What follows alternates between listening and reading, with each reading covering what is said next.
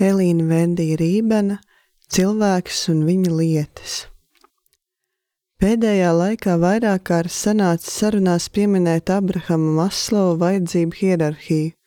Saskaņā ar to cilvēku vajadzības veido hierarhiju un tiek realizētas cita pēc citas. Tikai tad, kad viena veida vajadzības ir piepildītas, aktualizējas nākošās. Piramīdas pamatu veido fizioloģiskās vajadzības, tam sako drošība, sociālās vajadzības, sociālā atzinība un tad pašīstenošanās. Pēcāk šiem pieciem līmeņiem Maslovs pievieno arī paštranscendenci. Ikdienas komunikācijā šī piramīda, protams, tiek aplūkota ļoti virspusējā un vienkāršotā veidā. Vārdu sakot, vajag ēst, dzert, gulēt. Pēc tam lai tev nedraud ar ieroci, lai ir ar ko parunāt, lai ir kas tev atzīst, lai ir iespēja darīt to, ko gribas. Citiem vārdiem, iespēja bīdīt to sevis projektu 20. gadsimta filozofijā, jo sevišķi bieži apspriesto cilvēka lemtspējas par savas dzīves procesiem konceptu, iespēju bagātināšanos un apziņu par gribu, tās brīvību, kas kopumā ļauj runāt par katra indivīda dzīves attīstīšanu kā individu rokās viena esošu projektu, ko izpildīt un mainīt pēc savām iegribām. Problēma raisījās manā novērojumā, ka es mierīgi varu nēst, nedzert un arī ilgu laiku negulēt un justies vairāk vai mazāk pienācīgi, bet, ja es esmu vietā, kur nav glīti, ātri vien mani nomāca dziļa bezcerība un skumjas. Protams, pārspīlēju, vēlos nodalīt fizisko pašsajūtu no savas iekšējās garīgās labsajūtas – Lai arī nav noliedzams, ka šīs sajūtas būtu grūti aplūkot, absolūti atsaistīt viena no otras, ilgtermiņa garīgas labsajūtas nepietiekamība mēdz radīt dzīvotgribas mazināšanās sajūtas, kuras liek nemanīt nepieciešamību apmierināt fiziskās vajadzības.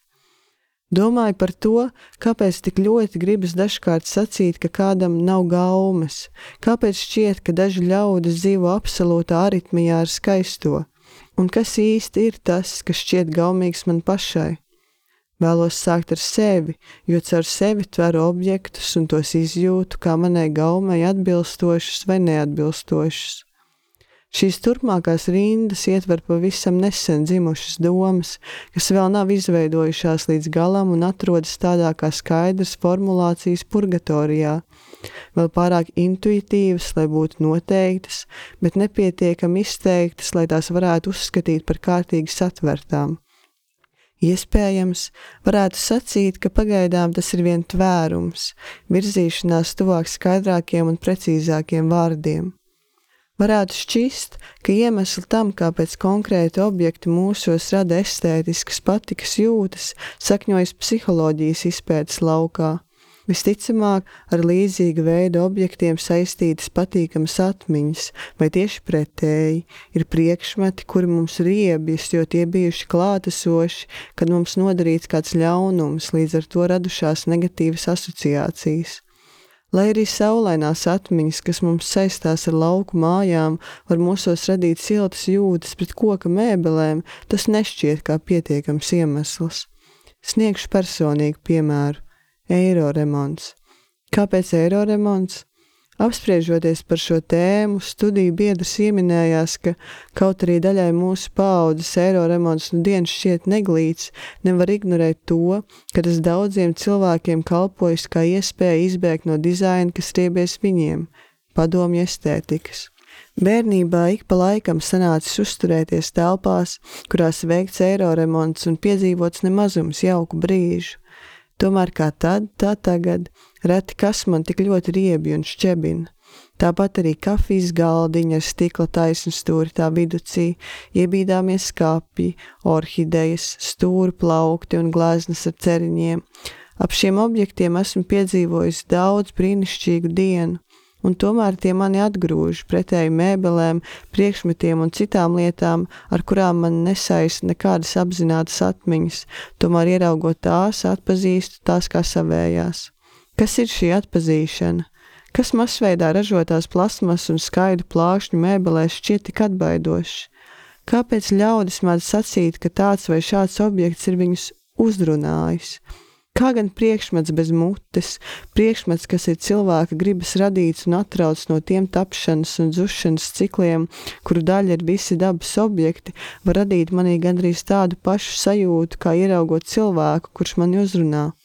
Iespējams, varētu sacīt, ka manu estētisko patiku pamatā ir filmas, ko esmu skatījusies, vai grāmatas, kuras esmu lasījusi un kurās valdījusi specifiska estētika. Un to nevar noliegt pavisam. Sava daļa patiesības te, protams, ir rodama. Gluži tāpat kā ikdienas un savstarpējo attiecību scenārijus cilvēki mēdz aizgūt no filmu un grāmatu narratīviem, tāpat arī iepazīšanās ar šarmantām 20. gadsimta 20. gadu mēbelēm un smēķēšanu iekštelpās pamatrod šeit, arī. Tomēr tas nešķiet pietiekami, jo tādā gadījumā būtu jāvaicā, kāpēc tieši šie priekšmeti, kāpēc ne jebkurš cits priekšmets, Vai pietiek ar to, ka esi noskatījies skaistu filmu, lai tavas skaistuma jūtas tiktu uz mūžu iezīmētas tieši šādā un ne citādā veidā?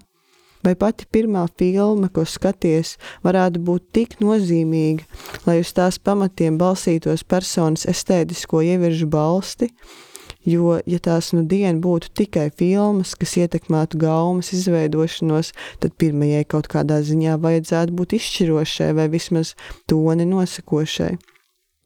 Tomēr gana daudzi cilvēki ir redzējuši vienas un tās pašas filmas, lasījuši vienas un tās pašas grāmatas, bet gaumas viņiem nepieciešami nesakrīt. Lai virzītos tālāk savā ceļā uz atbildi par to, kas mani uzrunā dažādos priekšmetos, man jānovērtē procesi, kuros esmu iesaistīta. Procesi, kas notiek caur mani, jo tie ir vienīgie, par ko uzdrīkstos spriest. Lai novērotu sajūtu, kas rodas, kad uzlūkoju man patīkamu priekšmetu. Pirmkārt, Vismaz es pieturēšos pie šī uzskata. Jebkura priekšmeta uztveršana, jebkāda, jebkā uztveršana, domāšana un tam līdzīgi ir fenomenoloģisks process, tātad cieši un nepieciešami ar tverošo subjektu saistīts. Manas izjūtas par šo objektu ir tikai manas, objektivizējams tikai vārdiski vai vizuāli, bet tieši nevienam nepieredzams. Līdz ar to arī citu izjūtas man nav pilnībā pieejamas. Tamdēļ uzskatu par nepieciešamu izvērtēt procesu savā kognitīvajā aparātā, kad vēršos pret sev patīkamu objektu, priekšmetu. Es atklāju, ka plecu pie pleca tīksmai atrodas arī līdzsvara izjūta. Šī līdzsvara izjūta rodas no sajūtas, ka kaut kas manā prātā jau iepriekš mītošs, bet mītošs tikai kā iespējamība, ir atradis savu aktualizāciju ārējā pasaulē, savu spoguļattēlu. Šis līdzsvars rodas vienam atrodot otru tādu pašu, ne nepieciešamu identu, bet vismaz gana līdzīgu, lai svari būtu rāmi un neļodzītos. It kā šī ārpasaules priekšmeti jau atradušies kādā rasējumā, kas ietverts manī. Es sastopu šos priekšmetus, un man pārņem satikšanās prieks. Gan arī tāds pats, kāds rodas, kad satieku draugu vai kādu, kurš kļūs par manu draugu. Ja paturam prātā to, ka priekšmeti mums atklājas kā fenomeni, tad varam atsaukties uz Arturu Šopenhaueru, kurš rakstījis, ka fenomenālā pasaule ir gribas atspoguļojums. Griba izpaužas dzīvē, jo dzīve ir tās idejas gribēšanas atspoguļojums. Pasaule, ko mēs uztveram un izdzīvojam, tiek tulkota, vadīta un kustināta ar gribas slēģiem. Griba izpaužas tajā, kā tā top. Līdz ar to, sastopoties ar savu aktualizēto gribu, mēs varētu izjust piepildījumu un pazīšanās jūtas. Varētu sacīt, ka muļķīgi un sekli salīdzināt priekšmetus ar cilvēkiem, tomēr atļaušos bilst, ka savā ziņā atšķirība nav nemaz tik krasa. Gan priekšmeti, gan būtnes, kopumā objekti ir kaut kas, ko var uzskatīt, par ko var domāt. Tie ir manu jutekļu samanīti un tapuši par manas uzmanības mērķi. Pirmkārt, jau kā fenomeni, kā kaut kas, par ko domāt. Otrakārt, vēlos vērst uzmanību uz Žana Pola Sārtra būšanu citiem un būšanu sev. Būšana sev ir apziņas eksistences aktīvais stāvoklis, tās esība visā tās būtspējā. Būšana citiem apraksta lietu eksistenci citu apziņās. Šī teksta sakarā būtiskākā ir tieši būšana citiem, un esošs citiem kā ķermenis, tā priekšmets ir tikai viens no objektiem citu objektu vidū. Līdz ar to šādā ziņā nav nekādas atšķirības starp cilvēkiem un priekšmetiem, jo kā ķermeņi citiem tie visi ir vienlīdzīgi, tik tālu, cik tie ir objekti, kas izkaisīti tveramajā pasaulē visapkārt. Šī būšana citiem neizbēgami iekļauj plaisas veidošanos cilvēka sevis un pasaules uztverē, saskaroties ar apziņu, ka viņš var tik objektivizēts, kļūt par vienu no objektiem, par datu kopumu, par aprakstām un uztveramu elementu kopumu. Tomēr, lai arī cik baisa būtu plaisa, no tās grūti izvairīties un nākas samierināties ar savas esības fiksāciju miesas, kas cieši piesaistīta laikam un telpai ietērpā. Gluži tāpat atliek pieņemt sevi kā vienu no objektiem. Bet šī pieņemšana var dot iespēju citādi palūkoties uz savām attiecībām ar citiem objektiem, jo sevišķi ar priekšmetiem, ar to domājot nedzīvus objektus. Objektus, kurus atpazīstu kā sev radniecīgus, es vēlos padarīt par saviem. Šķiet, ka starp mani un man mīļiem objektiem valda paštapšanas, pašradīšanas attiecības. Ar to domājot, ja, kā raksta Sartrs, apziņa par sevi top tikai reflektējot par šo apziņu, tad šajā refleksijā par sevi to, kas es esmu, kādu sevi vai vismaz ideju par sevi radu retrospektīvā un aktīvā novērojumā, Nenoliedzami ir iekļauti arī ar miesu tieši nesaistīti objekti, sākot ar drēbēm līdz savai gultai, istabai, mājai un pat pilsētai. Tas, ka man pieder šie priekšmeti, ir daļa no tā, ko es nosaucu par sevi. Es vēlos padarīt šos objektus par saviem, tāpat kā par savām saucu savas rokas, kājas, pildspalvas un gultu, savu ģimeni, mājdzīvniekus, kursabiedrus un kolēģus, savas ielas, pilsētu un tramvaju. Es vēlos uz tiem paļauties. Ko gan nozīmē paļauties uz rakstām galdu?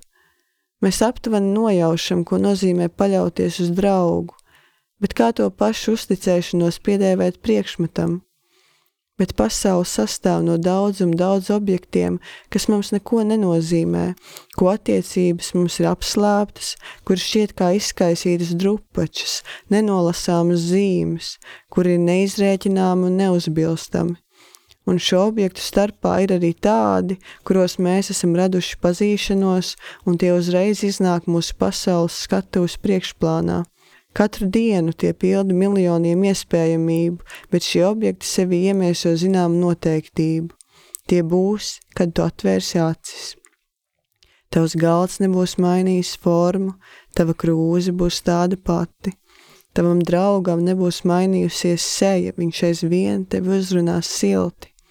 Tava datora klaviatūras taustiņa aizvien būs tieši tādā attālumā viens no otra kā vakardien, un tev nesamisēsies pirksti.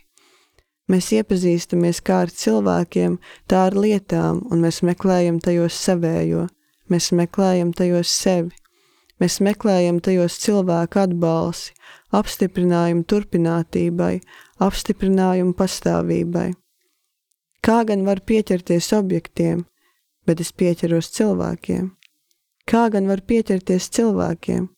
Es pieķeros visam, kuru pastāvībai var uzticēties, visam, kas mani notur virs tumšajām, bezgalīgajām laika un telpas dzīvēm. Pieķeros visam, uz ko varu atsaukties, ko varu pieminēt, ko vēlos uzskatīt atkal un atkal, jo tas skatās pretī. Es tajā varu sevi samanīt. Bet kā gan ar lietām, kas mums netīk, kā gan ar lietām, kuras šķiet svešas, kuras pašā rada tukšu atsvešinātības sajūtu. Baidos, ka nespēju sev un klausītājiem sniegt pilnīgu atbildu uz šo jautājumu. Tomēr atļaušos iepazīstināt ar savu intuitīvi iespējamo atbildi vai vienu no tām. Kad domāju par priekšmetiem, kas man izraisa nepatiku, prātā nāk plasmasas krēsli, skaidrplākšņu galdi, skapji un citas mēbeles. Cenšos notvert sajūtu, kāda man ir rodas par šiem priekšmetiem domājot. Tas ir svešādums, saklums, virspusējība, nepietiekamība. Šķiet, ka objekti, ko rada cilvēks, un kas tā tad savu galīgo jēgu gūst tikai cilvēka appasaulē, rada siltas jūtas un atpazīšanas sajūtu tad, ja tos nu dienu ir radījis cilvēks. Ja tie ir mērķtiecīgi gribas tapināti par to, kas tie ir, ja tiem ir veltīts laiks un ja cilvēks ir bijis klātesošs. Ar klātesošu šajā gadījumā es domāju gluži burtisku klātesamību visā tā izveidas procesā, lai arī mentāla klātesamība šķiet gluži vai vienlīdz būtiska.